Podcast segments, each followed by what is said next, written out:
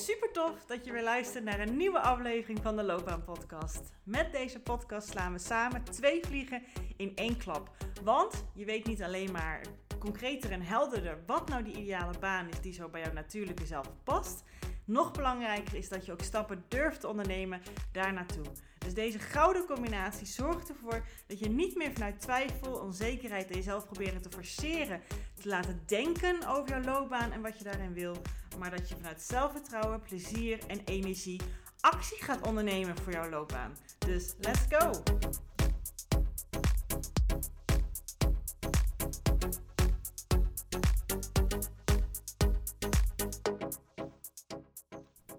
Hey, goedemorgen. Tenminste, bij mij is het goedemorgen. Dus wellicht goedemiddag of goede avond. Met deze aflevering wil ik heel graag iets centraal stellen. En dat gaat dus, nou de titel heb je waarschijnlijk al gezien. Hoe ga je nou om met een conflict op je werk? En ik heb afgelopen week uh, en vanochtend was uh, het moment dat ik het besprak met die persoon. Uh, ja, wat je kan laten vallen onder een soort van conflict meegemaakt, maar dan gewoon op persoonlijke titel. En ik zat het in de auto onderweg naar mijn uh, coachruimte in Utrecht, dus daar ben ik nu. en ik dacht, ja, nee, dit, dit kan ik zo vertalen ook naar uh, hè, als iets op je werk gebeurt, want dat is één en één hetzelfde. En er popte gelijk een aantal tips in me op wat ik dacht, ja, die wil ik je graag meegeven. Um, die ik niet echt ergens anders zo hoor, maar die mij heel erg helpen. Uh, dus vandaar deze aflevering. Dus welkom uh, bij de Loopbaan Podcast, weer een nieuwe aflevering. Um, ja, laat ik eerst even meenemen in een situatie die niks met mijn werk te maken heeft. Maar die misschien, hè, want um, je kan dan misschien ook denken: oh, hoe doe ik dat misschien buiten werk? Of kan ik dit vertalen na werk? Ik ga die vertaling voor je maken, dus gewoon stay tuned. Maar het is misschien wel eens goed om een andere context te hebben, zodat je ook het, hè, de, parallellen kan gaan zien qua werk. Um, nou, zoals je mogelijk weet, in ieder geval als je live luistert naar deze afleveringen, ik ben in ieder geval nu ruim een week terug van een heerlijke vakantie uit Bali ontzettend lang uh, weg geweest en ik heb er zo ontzettend van genoten. Nou, ik had eigenlijk voor Bali al iets dat er iets aan bij mijn haar zat. Dat ik dacht, ja, dat, uh, ik moet naar de kapper toe. Maar zij was voor mij op vakantie. Dus ik heb gelijk een nieuwe afspraak gemaakt. De eerste dag dat ik terug was. Vorige week maandag bij mijn kapper. Um, en ik ging ook naar haar toe. En ik zei ook bewust tegen haar. Ik zeg, ja, er zit een rare plukje onderaan. Die zit me altijd te storen. Daarnaast, ik heb, als je niet weet hoe ik eruit zie. Ik heb wat slag, licht krullend haar. Uh, een beetje kroezig. uh, het is net boven mijn schouders ook. Uh, ik heb allemaal verschillende laagjes erin, zodat het lekker een beetje luchtig kan krullen. Ik vind dat heerlijk. Um, en ik ga al vier jaar naar deze kapper. En dus ik benoemde ook, ik zeg, ja, hier is, het voelt een beetje, een beetje te veel haar bij elkaar, een beetje blokkerig, dus zou je er ook naar willen kijken. En zij wist dat ik, nou, volgens mij drie maanden daarvoor bij haar geweest ben. Ik ga meestal rond de 2,5, drie maanden naar haar toe. En uh, nou ja, ze zei, ik begrijp je helemaal, ik ga aan de slag. Dus zij begon te knippen. Um, tenminste, ik, ik wilde vertellen, dat is wat kappers normaal ook doen, maar ik weet natuurlijk niet hoe jouw kapper is, maar... mensen voelen mij in ieder geval altijd heel erg de ruimte om hun verhaal te doen. Dus ik, uh, waar ik ook heen ga, uh, ik, ik, ik ben dol op mijn nageltje laten doen. Ik heb verder niks met make-up. Maar ik ga sinds een jaar ook naar een nagelstylist met, voor gel nagellak. Ik vind dat fantastisch leuk. En ik ga nu ook naar een schoonheidsspecialist. En omdat ik, ik ben even de naam kwijt, maar ik heb van die ja, rode uitslag, moet ik het zo noemen, denk ik, op mijn wangen. Sinds mijn dertigste ongeveer. Dat schijnt ook de tijd te zijn dat dat uh, omhoog komt. En ik heb soms wat onzuiverheden. Dus ik dacht, nu gaan we het aanpakken. Dus nu ga ik naar drie verschillende mensen toe. uh, of soms wel maandelijks. Of nou ja, kapper iets minder vaak natuurlijk. En bij alle, bij alle drie gebeurt hetzelfde. Mensen vullen heel erg de ruimte bij mij om hun verhaal te doen. Dat vind ik helemaal prima. Maar in dit geval bij de, bij de kapper... Um, ja, begon ze dus haar verhaal te doen. Op een gegeven moment stopte ze ook met knippen. En ik ging ook gewoon helemaal mee in haar verhaal. En op een gegeven moment is haar verhaal klaar. En dan pakt ze de spiegel erbij en zegt ze, ja, klaar, kijk eens hoe mooi. En ik ben dan een beetje verbijsterd. En ik denk, ja, maar je hebt helemaal niet zoveel geknipt. Um, ik loop met haar mee naar de, naar, de naar, de, naar de kassa. En ze begint me ook nog dingetjes te vragen. Uh, want zij heeft gewoon vooral haar vakantieverhaal verteld. Dus vraagt ook wat eventjes wat over mijn vakantie. En ik reken af en ik loop ook de deur uit. En ik denk echt, wat is gebeurd hier? En ik kom thuis en wat er dan bij mij altijd gebeurt is een situatie. Ik had al vragen in mijn hoofd dat ik dacht, wat, wat, terwijl, terwijl ze zei klaar. maar ik zeg dan niks. Dat is gewoon hoe ik ehm, vaak op dat moment opereer. Als ik dan niet weet, ehm, wat, is, wat, wat is er nou gebeurd? Wat gaat er aan de hand? hey, is niet helemaal wat ik had verwacht. Um, maar zij is overtuigd van dat, dat het klaar is, dat, dat ze de werk gedaan heeft. Ik ga dan aan mezelf twijfelen. Dus ik kijk, ik kom naar huis. En mijn man zegt ook, oh je haar is leuk. dat zegt hij bijna nooit als ik van de kapper terugkom. Dus ik denk, oh, nou, dan zal het vast beter zitten dan ik denk. Ik ga in de spiegel kijken. Ik denk, weet je, prima, weet je. Ik ga het nog een keertje wassen later. Uh, dan zit het vast beter. Goed, nou, de volgende keer dat ik ga wassen, zit het niet beter. Maar dit is al een paar keer gebeurd dit jaar. Ik ga al vier jaar naar haar toe. En dit hele jaar is al, wat is dan drie keer dat ik bij haar geweest ben, of vier keer nu. Ik kom altijd even terug, want er is iets wat dan nog eventjes niet lekker zit. Een pluk hier, of er is te weinig afgehaald. Of um, is al nu al een paar keer gebeurd. En hoe ik dan normaal reageer, ik denk dus dat het aan mezelf ligt. Dat ik iets verkeerds gezegd heb, dat ik niet duidelijk geweest ben. Um, weet ik het wat, dat mijn haar raar is, dat, dat, dat, dat, we, dat we door een fase gaan, van dat we er nog aan moeten wennen. Het komt allemaal wel goed. Een beetje kop in het zand dus ook. En ik ga vooral aan mezelf twijfelen. En ik denk ook, joh, het is mijn haar. Ik ben niet zo'n uh, beauty queen, behalve met mijn nagels vind ik het heel leuk. Ik verzorg natuurlijk mezelf echt wel en ik doe mijn best. Maar ik doe ook wel eens clipjes in mijn haar en dan zit het al een stukje beter. Prima. Nou, hè? Ik, ik, ik maak me er gewoon niet zo'n big deal van. Als het echt verschrikkelijk zit, is een ander verhaal. Maar dat ik kwam dus ook van de week, uh, woensdag was er ook bij de schoonspecialist, gebeurde een vergelijkbare, iets, iets vergelijkbare situatie. Ze was iets vergeten in de behandeling. Nou, omdat ik dacht dat ze um, een, een, andere keuze had gemaakt voor behandeling, was ik gewoon vol nieuwsgierig waarom dat is. En toen zei ze, oh, ik ben gewoon iets vergeten hier. Ik dacht echt, wat is dit nou? En mijn hele week draagt dit, zit het bij me, draag ik het mee. Ik zit er af en toe aan te denken. Ik denk, wat is dit nou? Ik bespreek het ook met mijn man. En hij zegt dan gewoon, ga naar een andere kapper, ga naar een andere schoonheidsspecialist. Nou, bij de nagelstylist heb ik dat wat minder. Dus daar zijn ook dingen gebeurd hoor, maar daar niet van. Maar dat is toch een andere sfeer. Dus dan, weet ik niet. De, omdat ik een andere nagelstylist tussendoor heb gehad, heb ik het kunnen bespreken. Omdat ik bij haar meer die opening voelde. Maar bij alle drie de mensen gebeurt hetzelfde. En ik denk, ja, ik ben de gemeenschappelijke factor hier. Hè? Dus dan ligt het toch bij mij. Dat is mijn manier hoe ik reageer op conflict. Ik ga altijd aan mezelf twijfelen. En tegenwoordig heb ik een nieuwe strategie. Dat ik mijn kop in het zand ga steken. En maar gewoon hoop voor de best dat het de volgende keer helemaal anders is. En uh, ja, dat heb ik sinds een aantal uh, maanden dat ik dat heb. Nou, prima. Het evolueert natuurlijk ook, hè. Maar ik dacht echt, nee, dit, ik ga niet naar een andere kapper. Ik ga niet advies van mijn man aannemen. Ik wil dit adresseren, want hier zit volgens mij iets in. Dus ik ben vanochtend terug naar de kapper gegaan. En ik heb tegen haar gezegd joh, ik ga al vier jaar bij jou met heel veel plezier. Jij weet een beetje wat je moet doen. Maar dit hele jaar lijkt er iets anders te zijn en ik weet niet wat het is. En ik keek haar aan en zij zei heel erg opgelucht. Oh, je hebt het dus ook, zei ze. Ja, dit hele jaar, ik weet ook niet zo goed wat ik met je haar moet. Ik durf er ook niet te veel af te halen. Ik weet, ik, eh, en, en je bent inderdaad een paar keer teruggekomen. En ik had gehoopt dat met de laatste knipbeurt we hem gevonden hadden. Dat we eindelijk wisten wat we ermee aan moesten. En dat je er blij mee was. Maar jij bent hier nu, dus schijnbaar niet. Ik zeg, nee, dat ben ik niet. En ik zeg, ik, ik ben altijd heel erg tevreden bij jou geweest. En uh, dus ik snap ook niet waar het vandaan komt. Um, ja, ik heb niet gelijk hè, gewezen van, goh, ja, jij begint opeens met je verhaal. Misschien blijf je erin hangen en dan vergeet je misschien maar te knippen. Dat is wel wat, wat ook door mijn hoofd ging. Maar ik denk ook, ik ben onduidelijk. En ze verwees me door naar een andere kapper. Dus mijn man heeft toch een soort van gelijk. Maar zij zei, die zijn gespecialiseerd in krullend en slaghaar.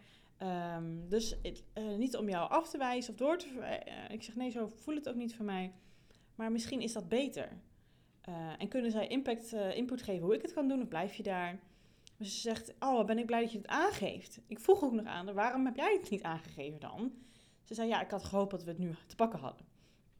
Nou, oh, wat was ik blij dat ik het heb benoemd. Dat ik de koe bij de hoorns heb gevat en dat ik het heb aangegeven. En nu ben ik weer een stap verder. Dus ik ben gelijk naar de nieuwe kapper gelopen. Was echt een paar straten verderop. Afspraak gemaakt voor over anderhalve week. Dus nou, ik ben heel benieuwd hoe dat verder gaat lopen. En toen ben ik in de auto gestapt en nou, naar mijn kantoor gereden. Daar had ik wat extra tijd. Omdat ik niet, uh, ik dacht ik word gelijk geknipt. ik ga het opnieuw doen. Um, en in de auto besefte ik me, ja, dit valt hè, onder de noemer conflict. En je kan conflict natuurlijk zo groot maken als, als, als, als je wilt. Het kan echt een ruzie geweest zijn, maar voor mij voelt het als een conflict. Ik heb een bepaalde behoefte, zij verleent een bepaalde dienst. Ik ben er niet uitgekomen zoals ik had gewild. Ik heb een andere behoefte, ik heb een andere wens. Het is al een paar keer zo gegaan, zelfs nog bij mij in mijn geval. Omdat wederom ik bij mezelf ga twijfelen en ik mijn kopje in het zand steek. Maar iedereen zal hier anders mee omgaan. Mijn man zou dus naar een andere kapper gaan. Jij zou misschien een hele andere strategie gehad hebben. Jij uh, misschien gaat de plekken wat zeggen. Of jij gaat de oorzaak bij haar zoeken. Of uh, ik weet het niet. Maar als je dit als een klein voorbeeldje zou hebben. En als jij in mijn situatie zou staan. Hoe zou jij dan reageren hierop? En bedenk dan eens bij jezelf. Zou jij als het echt een groot conflict zou zijn. Ook ongeveer hetzelfde reageren? Want we hebben vaak een aantal manieren hoe wij reageren op conflicten. En meestal is dat ongeveer dezelfde. En als ik een conflict heb met mijn man, uh, ruzie of uh, iets in die trant, ik reageer op hetzelfde. Ik twijfel aan mezelf. Nou, bij mijn man denk ik dat het misschien net wat anders is, omdat ik daar hè, me compleet helemaal veilig voel en ik ook heel erg hem kan adresseren. Maar hè, daarom heb je één of twee manieren om om te gaan. Maar ik dacht ook, oh, dat is interessant. En ik wil hier niet mee zeggen dat hoe ik hier nu mee om ben gegaan, dat dat de juiste manier is. Maar ik heb hier wel echt heel erg van tevoren bij stilgestaan. Hoe ga ik het aanpakken? En dan beland ik gelijk al bij tip 1. Want ik heb vijf tips voor jou.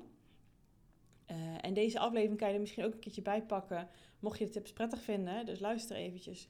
Um, en ik geloof dat iedereen hier baat bij kan hebben. Mocht je de tips prettig vinden, dat je wanneer je wel in zo'n vergelijkbare situatie zit, in een bepaald soort conflict, dat je ze nog een keer beluistert. Um, maar dan beland ik gelijk bij tip 1, want dat is wat ik heel graag wilde. vaak um,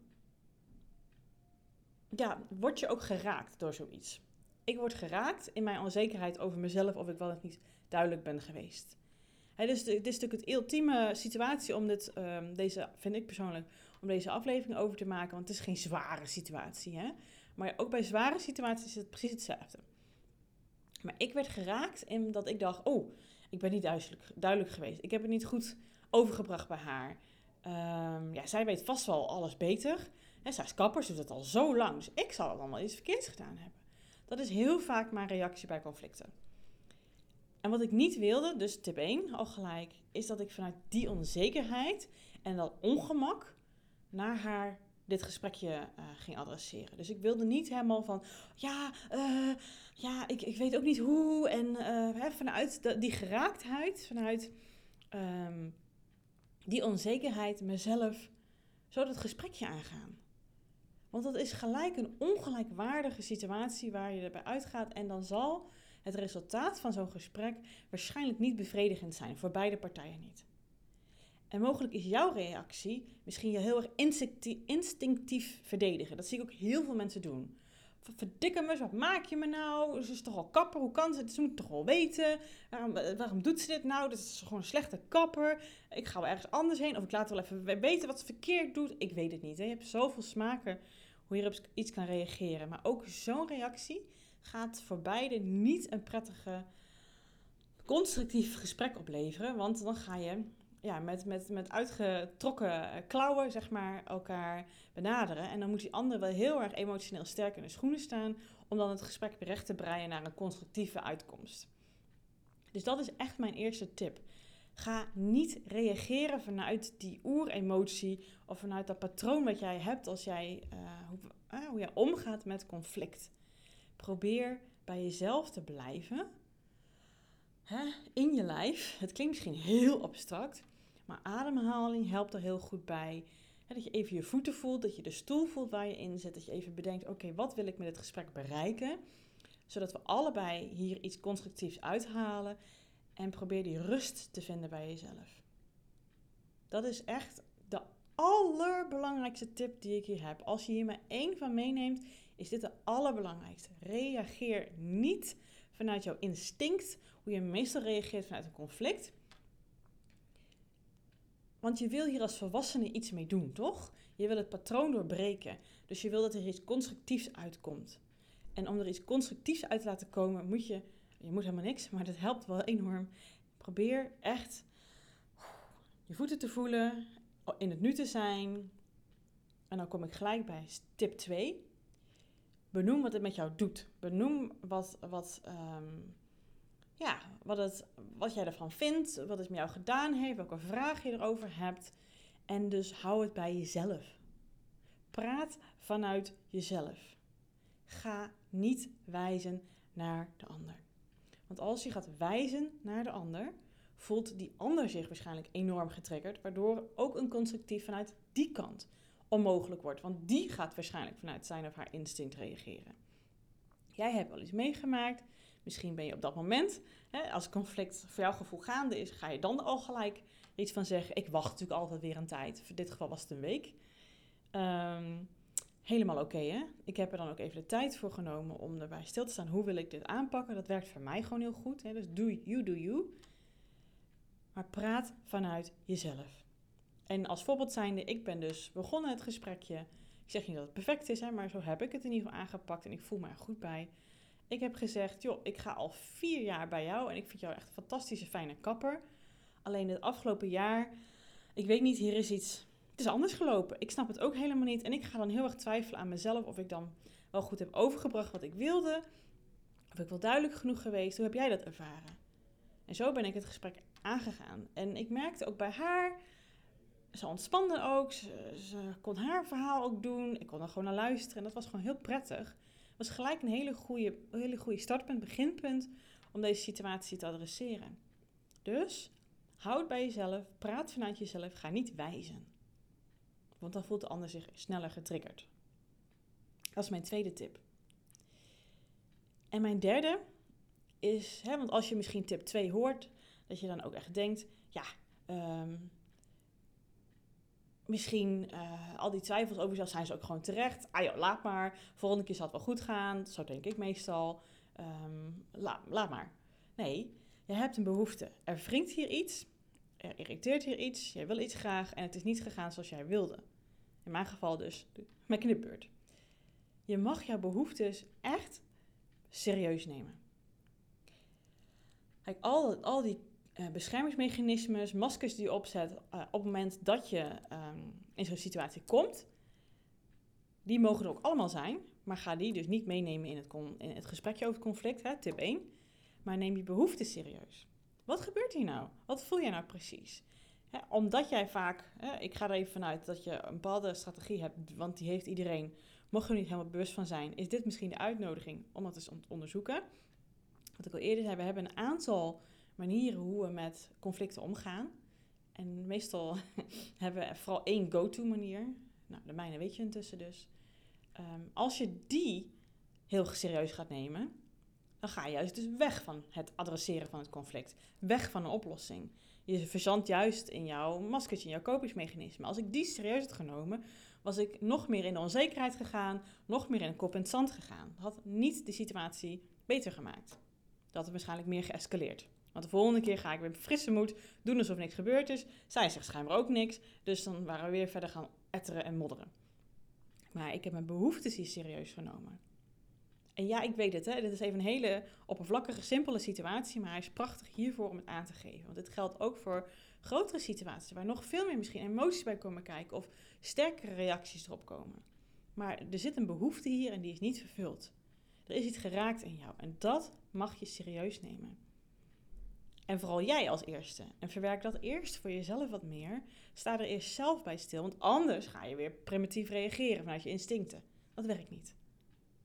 Dus doe wat voor jou helpt om dat er even te laten zijn. Die twijfels, in mijn geval, die onzekerheid, kop- en zandbehoeften, die heb ik er echt even laten zijn. En daarna dacht ik, ja, maar ik wil hier wel iets mee doen. Dit vind ik niet prettig om door te laten gaan. Dat is ook een behoefte. Dus ik wil dit wel gewoon constructief adresseren. Ik ben gewassen Judith, kom op. Nou, bam. Dus ik heb mijn behoefte ook serieus genomen. Want, nou, ik vind het ook gewoon prettig. Ja, ik betaal ervoor.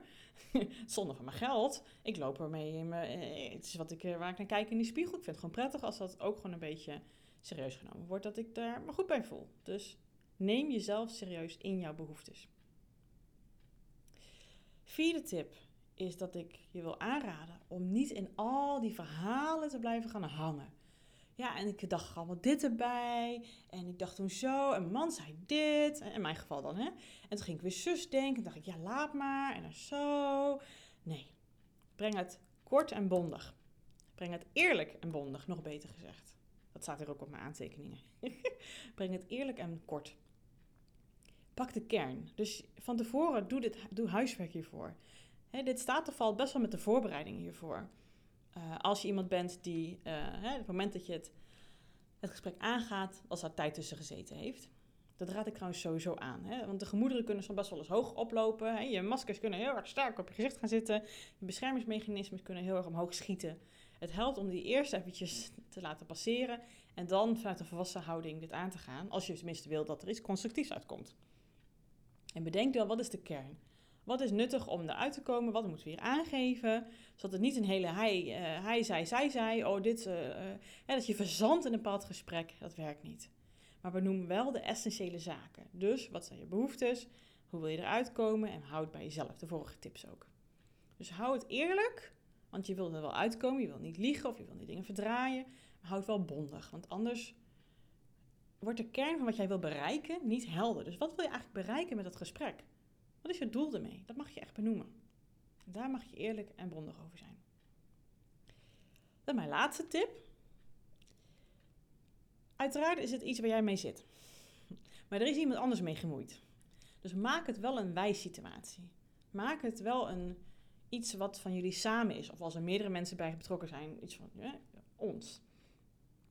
Want in dit geval met mijn kapper, um, ja, zij zat er ook mee. Zij had ook haar vragen en, en, en dingetjes eroverheen. En ik heb het ook aan haar gevraagd. Ik eindigde ook met, hoe zie jij dit? Of wat doet het met jou? Of um, wat is jouw visie hierop? Of wat, wat denk jij dat het, waardoor het komt? Zoiets heb ik gevraagd. En zo betrek je de ander daarbij, zodat diegene ook gaat meedenken en zo gehoord wordt, dat diegene ook zijn zegje kan doen. En omdat jij het gesprek begint, en dat als het goed is als je mijn tips volgt, op een constructieve manier start, gaat diegene ook heel erg de uitnodiging voelen om ook op die manier terug te reageren. Uitzondering daar gelaten. Dus diegene gaat waarschijnlijk ook eerlijk terugreageren en vanuit zijn of haar kijk dat benoemen en niet wijzen. Uitzonderingen daar gelaten uiteraard. Als jij het heel rustig hebt benoemd, kort en bondig bij jezelf bent gebleven, niet vanuit je instinct hebt gereageerd, jezelf serieus neemt in je behoeftes, dan zal diegene dat ook sneller doen. Maar betrek diegene er wel bij. In mijn geval, als ik alleen maar had gezegd: Ja, ik weet het niet, de knipper, dit, ik, ik ben er niet tevreden over, ik weet niet wat ik ermee aan moet, um, ik vind het lastig. Maar als ik niet had gevraagd aan haar: van uh, hoe zie jij dat? Of jij als kapster, met jou, dat heb ik trouwens niet gezegd, maar had ik best wel kunnen doen. Jij dit doet het werk al langer, met jouw expertise. Wat is jouw kijk hierop? Dan maak ik er een wij-verhaal van. En dan wil diegene ook helpen om het op te lossen. Want waarschijnlijk zit die ander er ook mee. Want meestal, niet altijd zo, maar als jij ermee zit, dat kan diegene voelen. Dat kan diegene doorhebben. Als je samenwerkt met een collega. Um, ja, misschien denkt diegene, haha, ik heb diegene even poot genaaid. Die heeft een rotklusje gedaan. Ik zie dat diegene dat niet wil, maar uh, dat is zijn verantwoordelijkheid. Dat kan. Maar toch, omdat je samenwerkt, of omdat je je leidinggevende is, of wat dan ook. De, ja, de meeste mensen hebben daar wel vol sprieten voor. Dus maak daar een wij-verhaal van een wij-situatie. Ja, misschien heb je meegeschreven. maar dit zijn echt mijn vijf tips. Toen ik begon, dacht ik, oh ik ga drie tips doen. Maar er waren er meer. En ik denk dat dit wel echt hele belangrijke zijn die je niet overal hoort. Die voor mijn gevoel mij heel erg helpen in zulke situaties. Om heel dicht bij jezelf te blijven en dat er iets constructiefs uitkomt.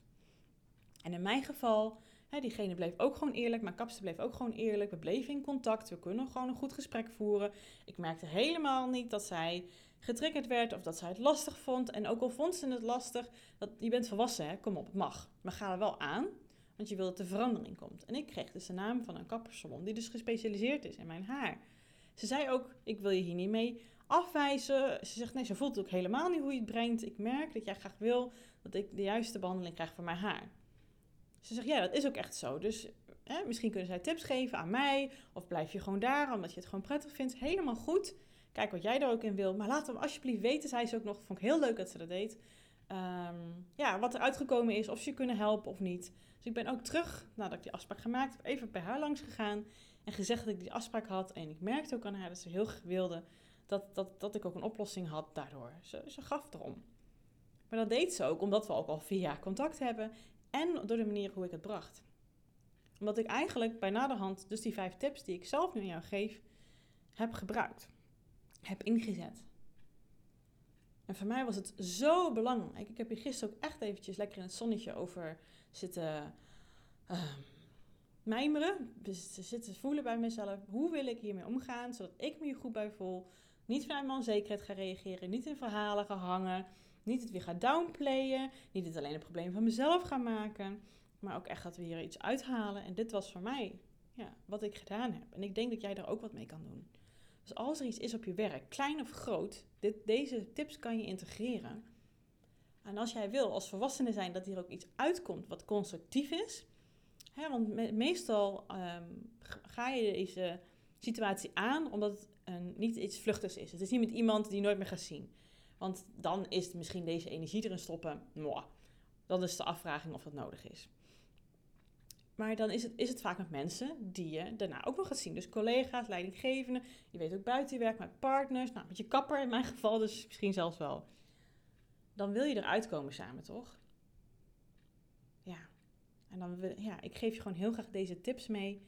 Want dit gaat jou brengen bij een constructieve uitkomst.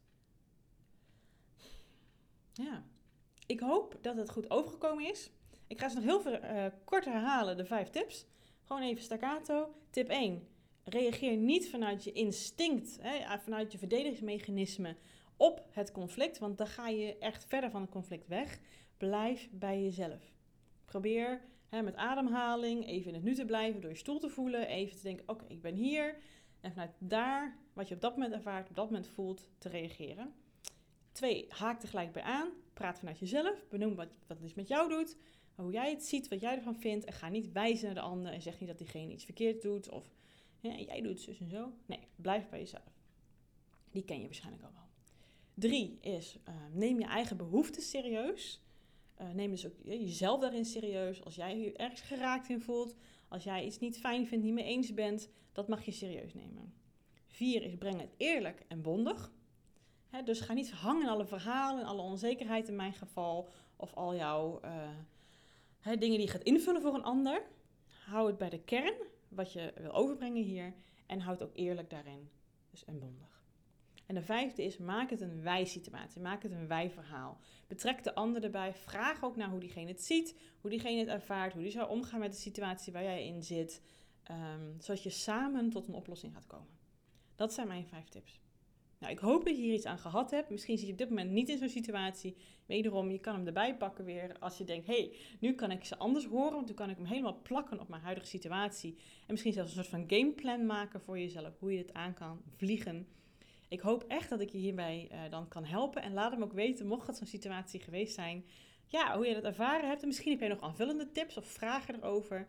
Wees welkom om mij te benaderen. Dat kan je echt het beste doen uh, via Instagram. Daar ben ik gewoon het makkelijkst op te bereiken. Uh, als je geen Instagram hebt, kan je me ook altijd mailen.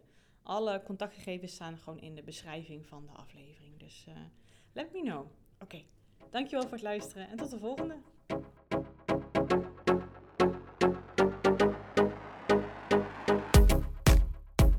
Geweldig dat je deze episode hebt geluisterd om meer regie over jezelf en je loopbaan te nemen.